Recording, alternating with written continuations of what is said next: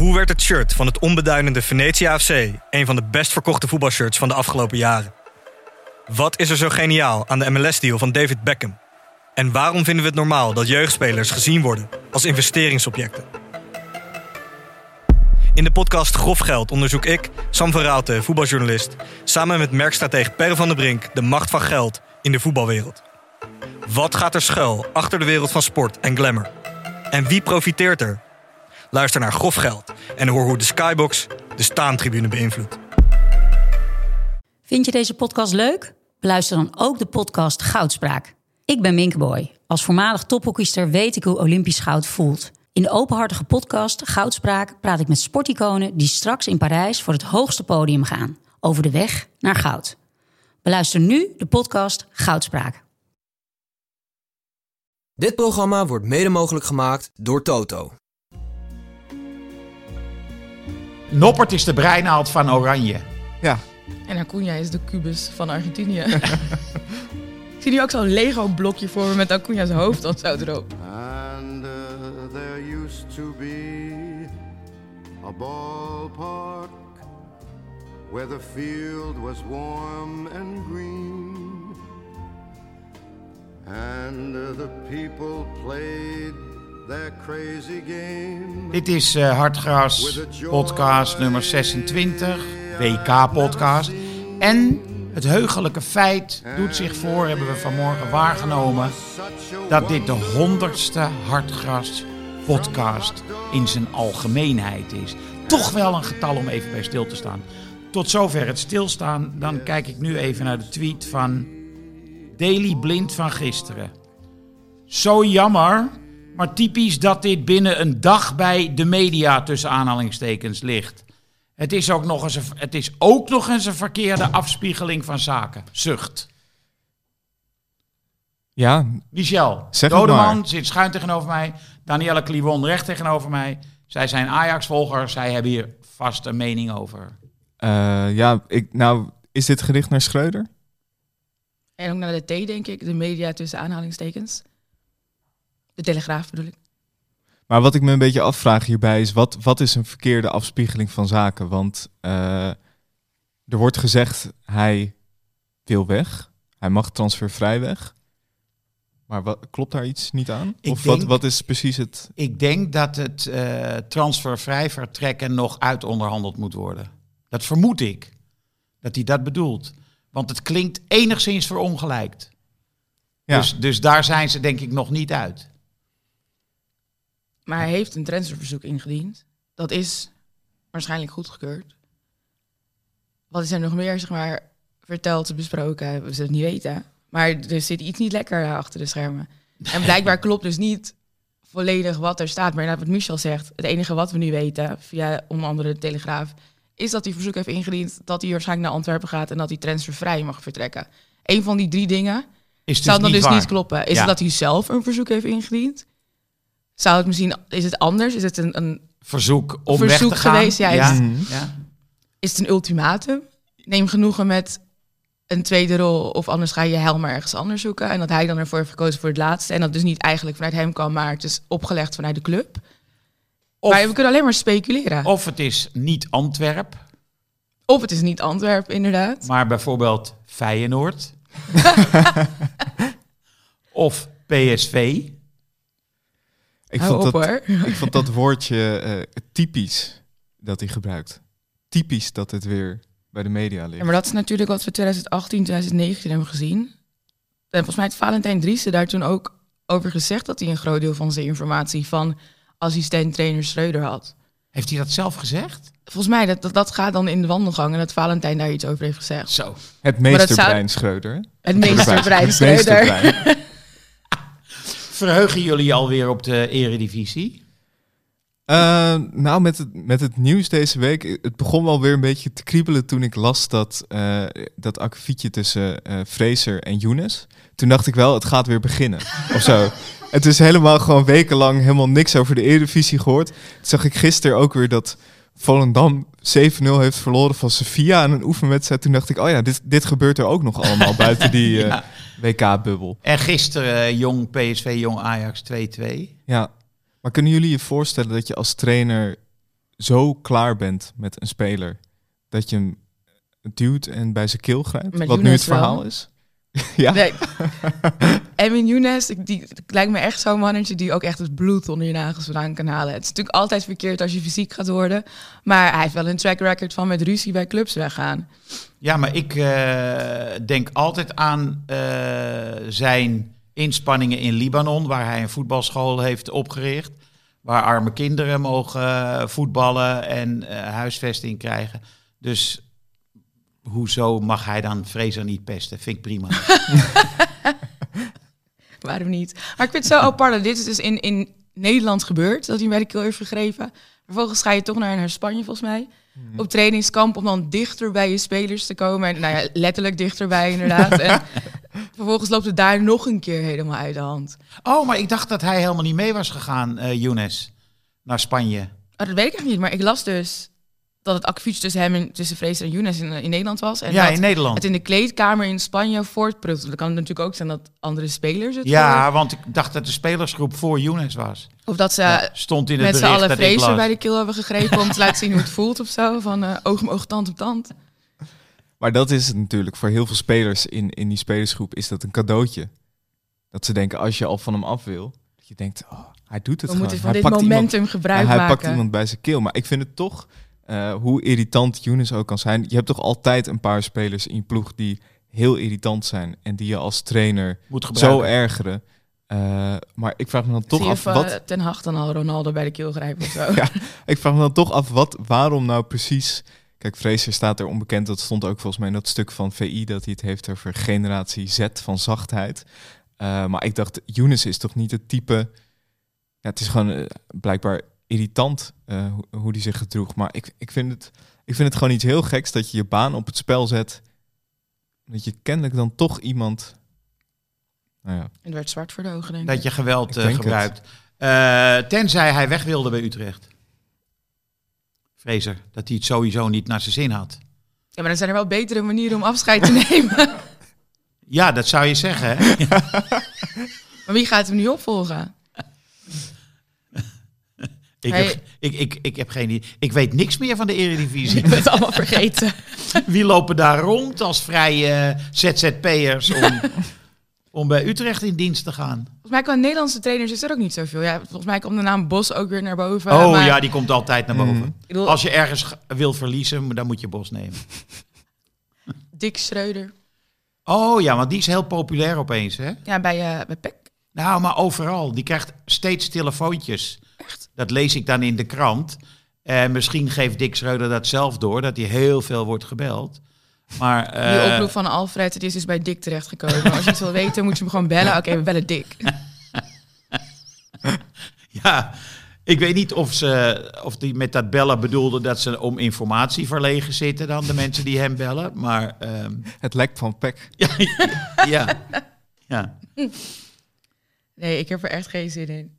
Volgens mij moet Ajax moet als eerste uit tegen NEC. Ja, Ik zie het al helemaal fout gaan. ja. Ja, ik zie... Ik, ik ben helemaal in een soort van trap, eh, Schöne. doemscenario zitten. Ja, precies. Volgens mij zit de klassieker er ook al eh, snel aan. te komen. 22 in januari. januari. Het kan natuurlijk Ja. ook meteen nou, niet beslissend worden, maar het zou wel een soort eh, bijna genadeklap zijn als Feyenoord deze wint, toch? Voor Schreuder.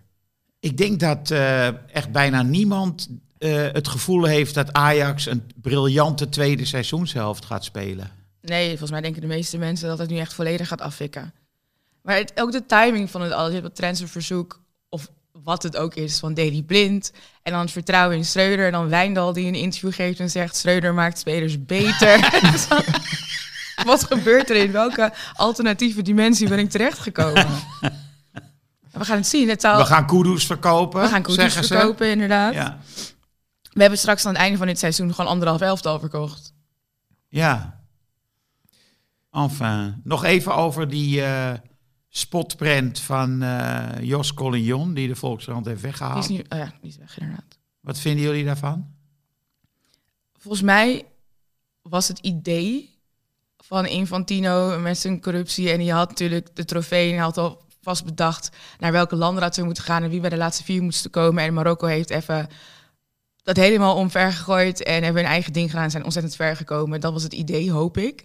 En de uitvoering is volledig misgeslagen. volledig misgedragen. Mhm. Hoe denk je dat het een goed idee is om twee eh, Marokkaanse jongens op een scooter af te wilden die iemand beroven? Tasjesdief op een scooter, zeg maar. Like, hoe... Ik snap dat het Marokkaanse elftal heeft Infantino beroofd van zijn ideale WK. Laatste vier. Laatste vier, dat idee snap ik. Maar dat je dit zo neer bent, neertekent, dat het zo gepubliceerd wordt. Ik kan me niet voorstellen inderdaad dat als je dit zelf ziet, dat je dan denkt, oh ja, dit is een goed idee. Ook zei, hij had hem dan zelf natuurlijk ook eh, getweet. En daarboven stond hoe het wel moet zijn. Dus ik denk, zijn gedachtegang is echt een goede intentie geweest, mag ik hopen. Maar is er ook niemand die daar dacht van... oh, misschien is dit niet heel handig. Misschien moeten we dit anders gaan, eh, gaan uitbeelden. Bij de Volkskrant. Ja, Ja, ja, ik vind het ook wel leuk dat eh, eh, opeens is, wordt alle uitingen van satire worden op één hoop gegooid. Want ik had bijvoorbeeld op Twitter gezet kutcartoon. Ja, het is natuurlijk geen echt subtiele, subtiele oordeel. maar had je nog argumentatie erbij? Nee, Wat was het eigenlijk niet. Sprak voor zich. Maar dan gaan mensen zeggen tegen mij: Ja, maar jij hebt ook satire gedaan vroeger. Ja, ik bedoel, iedereen is opeens, werkt opeens weer voor Charlie Hebdo, weet je wel. Mm. Ja. Dus eh, nee, het is gewoon een misser. Ja, het feit dat ze hem hebben weggehaald geeft al aan dat ze zich daar ook wel bewust van zijn. Maar ik denk de, zelfs dat die ehm, verklaring die jij nu geeft, Danielle, dat die iets te veel intelligentie veronderstelt bij de, bij de tekenaar van deze print. Want als je zoiets tekent, dan ben je gewoon in principe een niet al te slimme racist. Ja, je kan, je kan moeilijk eh, volhouden dat dit geslaagd is. eh, in een maatschappij met een volksvertegenwoordiging waar 25% uit eh, neofascisten bestaat. Dus het klimaat is ook niet zo dat het iets zou aantonen, weet ik veel. Ja. Hij pakt eh, gewoon een bevolkingsgroep die wordt gediscrimineerd op de arbeidsmarkt. Die sociaal wordt gediscrimineerd. En daar gooit hij nog even een sch- schepje bovenop. Zo, hebben we het nu voldoende? Je hebt het eh kutcartoon goed beargumenteerd. Danielle, heb jij al last van eh, Benzema-koorts? Oh, het is echt vreselijk. Want nu was er weer een artikel van... Oh, door een loophole. Welke loophole? Hij zit gewoon nog bij de selectie. Hij is nooit vervangen. Dat is dus de loophole. kan hij opgeroepen worden of kan hij spelen in de finale? Je weet dat het nooit gaat gebeuren. Je weet het. Maar toch is er zo'n klein 1% stukje in mij... en een stem die dan steeds luider gaat weer klinken van... Oeh, misschien. en je weet ook als je gewoon logisch nadenkt... Het zou belachelijk zijn. Ja. Hij heeft niet meegespeeld. Hij Nee. hij is zogenaamd fit. Ik bedoel, hij is pas een paar dagen weer aan het trainen. Hij heeft gewoon geen last van die blessure, maar hij is niet fit. Giroud is goed. Giroud is goed en Giroud speelt ook in dienst van het elftal. En dat werkt gewoon echt heel goed. Dit Frankrijk zonder Kanté, Pogba, Nkunku, eh Kimpembe, Benzema is leuker om naar te kijken dan het Frankrijk dat in 2018 wereldkampioen is geworden. Dus het zou alles omver gooien als Benzema opeens die wedstrijd speelt. Maar dan denk je toch, oké, als er dan die wedstrijd misschien gespeeld is en dan de laatste twee minuten dat hij dan gaat warmlopen of zo, weet je wel. Dat het hele stadion ontploft. En hij wordt door de, de Argentijnse mensen keihard uitgefloten en de Franse fans die er zijn, die zingen hem toe. Ja, dat zou ook wel weer mooi zijn. Maar hij moet niet spelen. Laten we daarmee ophouden. Ik denk zelf dat Benzema, dat het is nooit ter sprake gekomen. En ik denk, wij van de media, vooral RMC Sport dan, die maken er iets heel moois en groots van. En ik wil er graag in geloven, maar nee, it's not gonna happen. Het is ook eh, misschien wel goede psychologische oorlogsvoering tegen de Argentijnen. Dat die denken van, godsam, het zal toch niet. Maar niemand snapt de psyche van de Argentijnen. Die zijn helemaal gewoon... Die zijn Die losgeslagen. zijn losgeslagen. Ja. Ik zei het eergisteren volgens mij Camira's ook Bobo. al. Camira, Bobo. Camira. Het is gewoon echt een onketend monster. Hoe heet Dr. Frankenstein als Louis van Gaal gewoon? En die heeft hen zo opgezweept en zo opgevuurd. En nu gaan ze vol ervoor. En dan heb je ook Amy eh, Martinez die dan zegt... ik weet niet of ik terug kan naar Aston Villa nu ik dit heb meegemaakt. Zeg Ik-? Wat gebeurt er? Waarom kon die, kan hij niet terug dan? Oh, maar dat is dan te klein. Dat is niet hetzelfde podium. En dat is niet in dienst van de, de grote Messi. Hij zei van ja, wij zijn 1% en Messi is 99%. Ik ga er zo slecht op. Ja, Messi is geweldig. En hij is nu, wat hij laat zien, dit toernooi. De laatste twee wedstrijden, drie wedstrijden, zie je ook echt wel de Messi van 2015 ook nog. die, die, die slimmigheid en het, scannen, jouw nieuwe favoriete woordje, scannen. Dat zie je iedere keer terugkomen. Maar kom op, je bent toch gewoon een team, je bent een land en je doet het samen en niet Messi en zijn zeven dwergen of zo. En dat is... Nee, dat, Messi is de dwerg. Je moet als Messi speler echt zeven oppassen reuzen. wat je zegt over Argentinië, want ze kunnen alles tegen je gebruiken. Precies, Ik las volgens mij Chouameni, die zei dat Oh, Mbappé nu beter is dan, eh, Dan Messi. Maar ja, ja. zou je zien dat, dat als ze dan zondag verliezen, dan komt dat weer terug. Ja. heb je weer Martinez die zegt van ja, we hebben dat gelezen en we hebben het in de kleedkamer opgehangen. en eh, Precies dat inderdaad. Ze willen Benzema tegen ons brengen. We maken ze kapot voor ze hem kunnen inbrengen. ik zat gisteren te kijken en ik zag dat Giroud al 36 is. Ja. Ik, ik Ja. wist dat helemaal niet. Ik, ik had hem veel jonger geschat. Omdat hij ook zo knap is. Ja, waarschijnlijk. Maar je kijkt ik- naar hem en denkt, oeh. Maar dan zie je die foto van hem en eh Walid kan het nog steeds niet Eh, uitspreken. Regregui. Ja, dat zijn we natuurlijk samen gespeeld bij ehm, Grenoble, volgens mij. In afval in Zou Frankrijk. best kunnen. ja. En dan zie je naast elkaar en denk je, oh ja, die gaan ook dichter naar de 40 dan naar de 30. Ja, ik vind het echt ongelooflijk hoe hij nog speelt op die leeftijd. Wat een, En hoe wat een hij, energie zeg maar, en nog speelt. kracht. En ook qua afmaken, ook dat schot in die laatste wedstrijd die hij nog op de paal knalt. Zo, dat was echt een goed schot. Ja, tegen. En tegen na een, na een rush echt, hè? Ja, Maar dat wordt ook het leuke, denk ik, van die finale. Dit- Messi en Mbappé. Volgens mij heeft Messi vijf goals gemaakt, drie assists. Mbappé vijf goals, twee assists. Alvarez vier goals, Giroud vier goals. Dus het wordt ook wel een soort van persoonlijke strijd, los van de landenstrijd die er is. De winnaars van deze wedstrijd die gaan ook alle prijzen pakken. De topscorer, waar het beste speler van het toernooi, Ballon d'Or. de Ballon d'Or, inderdaad. Dus er staat heel veel op het spel. En Ik las vanmorgen dat eh, Messi nog steeds goed bevriend is met Dembélé. Dat hij hem vier jaar lang eh, min of meer geholpen heeft bij Barcelona. En eh, dat ze elkaar nog steeds appen. Wat zou Dembélé moeten appen om Messi van slag te krijgen? hij moet niks appen. Nee? Nee, gewoon ja en oh wat goed en cool. Voor les niks, alles kan wij spelen vallen. ook, met- wij Fransen spelen ook in jouw dienst. Ja. Precies. Wij zijn die andere 1%. Wij zijn niet zoals de rest van de wereld tegen jullie. Nee, helemaal niet. Nee. Wij zijn- Nee, want jij bent ook wel, dat heeft L'Equipe ook slim gedaan. Messi Le Français op de cover. Messi is toch ook wel heel erg Parijs, zeggen ze dan. Nou, ik denk het niet. Ja, maar we moeten, we moeten voorzichtig zijn met wat we brengen. Want Ja, je kan ze doen ontvlammen en dat wil je niet hebben. Nee. Niet als, als we Frankrijk moeten, we zijn. moeten hier in deze ruimte bij Pelle moeten we al uitkijken met wat we zeggen. Ja. Want voordat je het weet eh, vliegt het de oceaan over. maar die Dembélé die mag wel eens een keer eh, wat gaan doen, vind ik. Vind je niet? Hoe bedoel je? Vind hem niet geweldig. Hij begon heel sterk. Maar rendement heeft hij niet. Het is Ja. een, een beetje een hardloper die naar binnen komt. Maar is dat, zou dat niet ook zeg maar, een afspraak zijn geweest? Want uiteindelijk gaat alles toch op links. En hij, hij drukt heel veel naar voren en dan valt hij inderdaad naar binnen, maar dan komt wel weer ruimte vrij en dan kan Mbappé er weer overheen gaan. Eh, kan Acuna hem houden, Dembélé? Oh, Acuna is er weer bij, hè? Ja. Die is niet meer geschorst natuurlijk. Want Acuna heel sterk spelen. Boven verwachting. Eerste wedstrijd, echt de allereerste wedstrijd, vond ik het niet echt wat. En hij is ook zo'n eh, Saka... Sakiri, hoe heet die boomstam van Zwitserland? Shakiri, ja. Zo, zo'n bouw heeft ook. Zo'n brede nek, Ja. en kort. En Kubus? dan, Ja, echt zo'n kubus is het. ja. En dan denk je, die is gewoon vastgeplant. Maar Acuna kan ook heel explosief zijn. En dan heeft hij ook nog eens dat kubus lichaam inderdaad. om te gebruiken. Dus het, het gaat lastig worden voor, eh voor Dembélé. Voor Ik, Dembélé. ik ruik een kop voor deze aflevering. Acuna is een kubus. Het en jullie, eigenlijk, eigenlijk zonde dat Tagliafico niet speelt. Maar goed, ze gaan natuurlijk met vijf verdedigers denk ik spelen en geen Paredes meer. zou je denken? Paredes Denk- speelde wel Paredes echt was goed. heel goed, Hij hè? speelde heel goed, ja. Maar als je met Acuna speelt en Molina, die zijn toch best wel ver naar voren Ja. ja. geschoven. Nou, je kan ook Paredes misschien als centrale verdediger zouden ze kunnen gebruiken. Want Ja. dat, dat deed hij al kunnen. bijna zo'n beetje. Eh, zo ver naar achter op het middenveld. Nou ja, goed, dit is speculatie ook. Jullie gaan, Michel en Danielle, samen een podcast maken? Yes. Of gaan jullie hem niet samen maken, maar onafhankelijk van elkaar onder dezelfde titel? Eh, dat eigenlijk.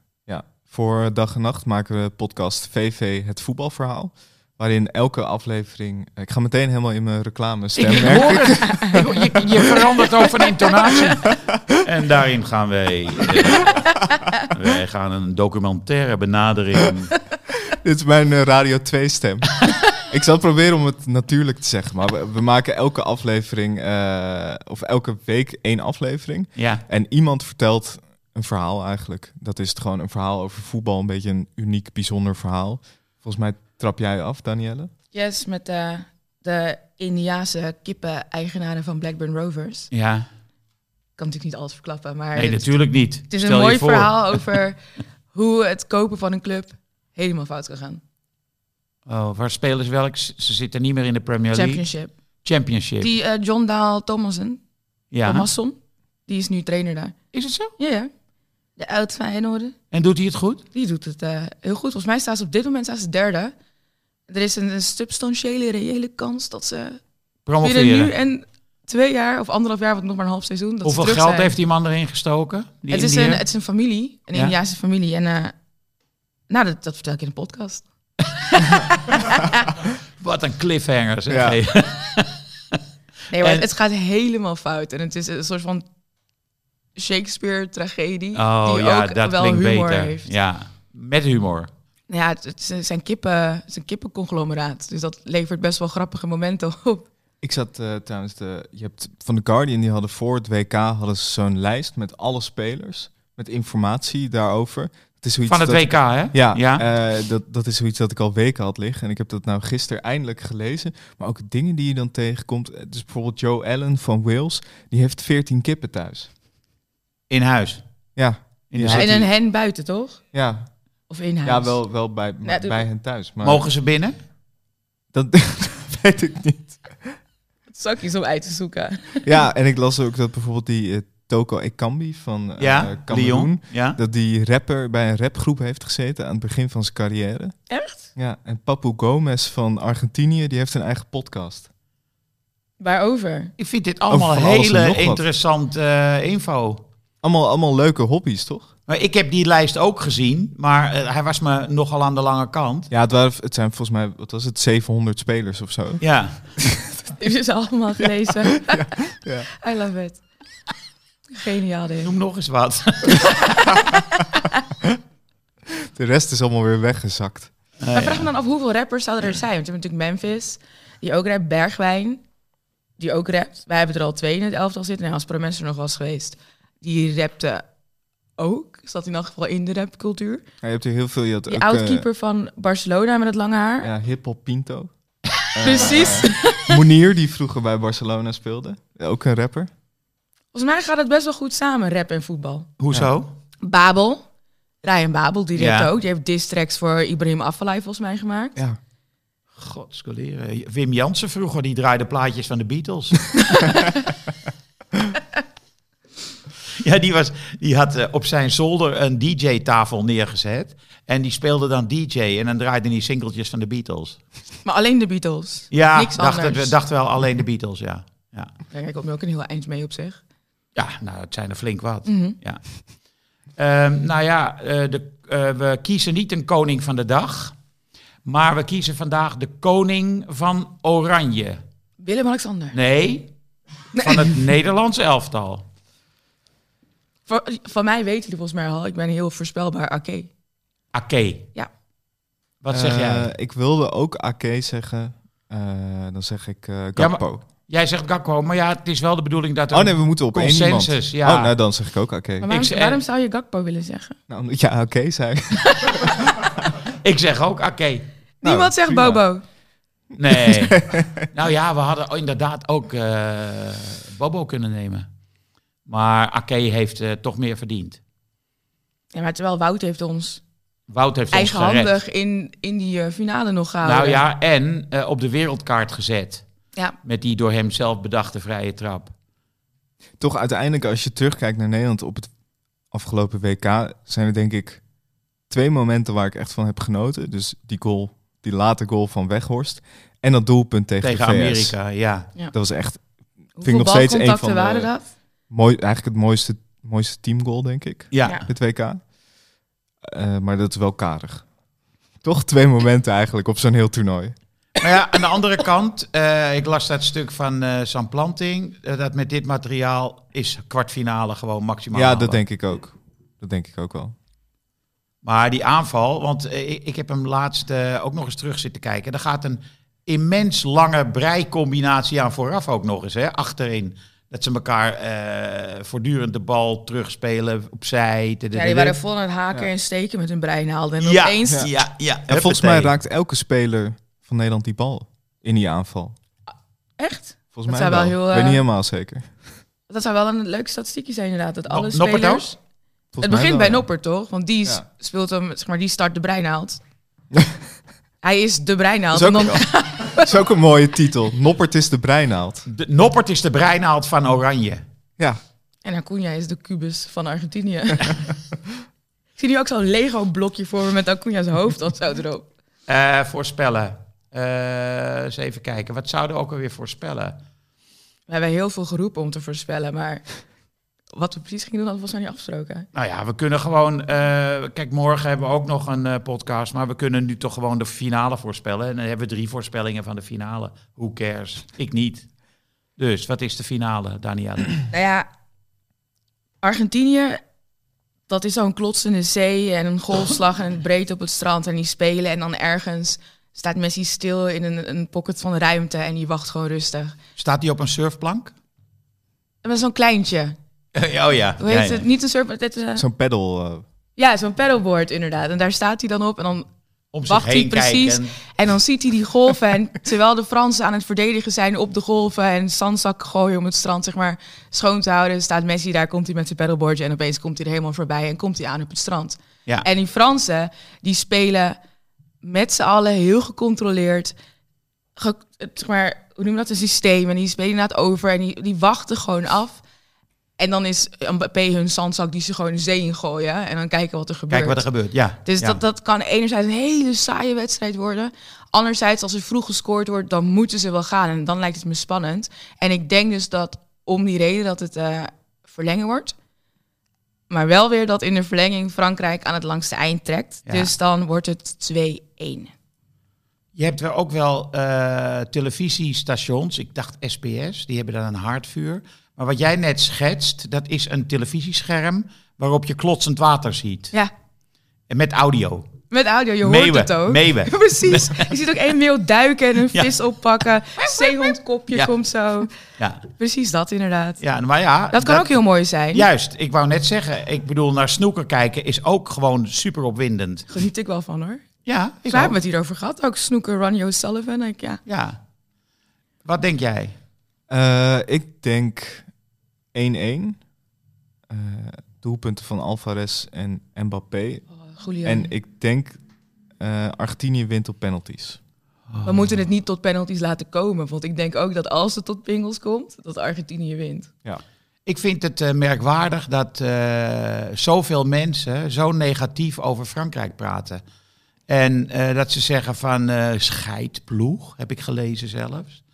En ehm, dat het een eh, counterploeg is, dat ze verdedigend voetbal. Maar ze spelen met vier aanvallers. Hè?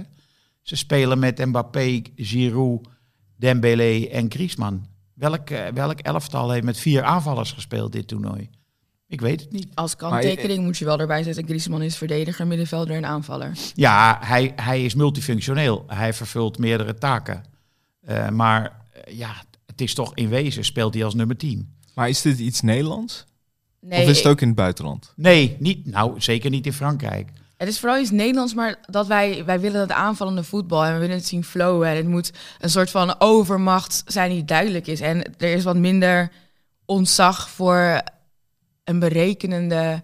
Berekenende ploeg. Ja. en ik kan daar juist wel heel erg van genieten. Ook met de NFL, als het een tight game is. En zeg maar, ik geniet dan van de defensive lines en hoe die het aanpakken. Terwijl de meeste mensen kijken voor de touchdowns en de tackles op de offensive line. Maar dit verdedigen dat vind ik echt heel mooi. Omdat je ook geen enkel moment weet wanneer ze kunnen toeslaan. Kan Nee, op ieder moment. Er is toch ook niks mis met dat je een goede organisatie hebt. Ik vind het bijna, bij, mensen zijn bijna verwijtend van, oh ja, maar ze verdedigen heel goed. Alsof dat niet mag of zo. How dare they? Maar je hebt wel, ik, ik, ik snap niet hoe je niet kan genieten van een ploeg met Chouameni, met eh, Mbappé, met Griezmann die zo speelt. Ik, ik denk dan, ja, er zijn zoveel individuele bevliegingen om van te genieten. Ja, Dan, dan vind ik, ja, als je dit, ja, je kan dan zeggen, ja, het is te verdedigend. Nou ja, het werkt, toch? Eh, Ja. Waarom zouden ze... Ze gaan niet eh, met z'n allen naar voren omdat eh, de Nederlanders dat zo graag willen. Nee, ja, ze zaten bij de NOS ook. eh, na die wedstrijd tegen Marokko zaten ze heel erg te zeuren dat het zo'n vreselijke ploeg was. Maar heb je de eerste 30 minuten van Frankrijk dan überhaupt gezien tegen Marokko? Die hadden echt zoiets van, wij moeten dit klusje nu gelijk klaar hebben, want die Marokkanen kunnen ons verrassen. Die zijn, ik heb ze nog nooit een wedstrijd zo aanvallend aanzien gaan. Ja. Ze gingen gelijk vanaf de aftrap erop. Daar kwam die goal natuurlijk ook uit. Ja, Ze waren echt wel, ze lieten zien, dit is waarom wij nog steeds de beste van de wereld zijn. ja. Ik vond het ook leuk dat eh, Willem Vissers, die van de week nog een merkwaardige column had over het verdedigende voetbal dit toernooi en dat er helemaal niet werd aangevallen, die schrijft vandaag juist dat het eh, Franse, Franse elftal toch wel veel aanval, niet veel moet ik zeggen, maar aanvallender speelt dan in 2018.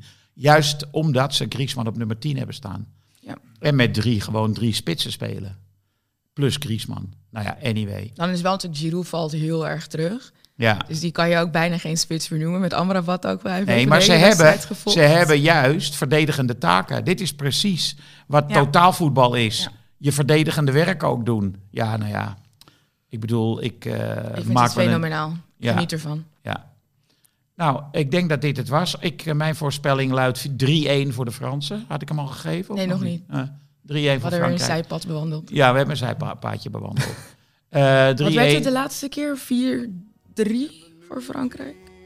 tegen Argentinië. Ja, toch? 4-3. Was een kwartfinale, meen ik. Of een halve. Halve volgens mij. Halve. Ja, het de halve. 4-3 was dat. Ja. ja. Dat was vier jaar geleden dus. En dat was een spetterende wedstrijd. Ja. En toen speelde Frankrijk, we houden er, dan ze dit toernooi spelen. Veel. Dus eh, ja, het wordt gewoon genieten. We mogen het niet zeggen, want voordat je het weet wordt dit opgepikt in Buenos Aires. Maar eh, ik doe het toch. Doodsverachting, in doodsverachting. Argentinië krijgt het zwaar. Yes, there used to be a ballpark. De feestdagen komen eraan. De tijd van de cadeaus is aangebroken. Neem een probeerabonnement op Hartgras. Twee nummers voor 17,50. Neem een jaarabonnement op Hartgras. Dat kost slechts 41,50 voor zes nummers. En je kan ook nog eens een keer een digitaal abonnement nemen voor 25 euro per jaar. Het hele gezin kan mee profiteren. Ga naar hartgras.nl en druk op één knop en je bent abonnee. Dit programma werd mede mogelijk gemaakt door Toto.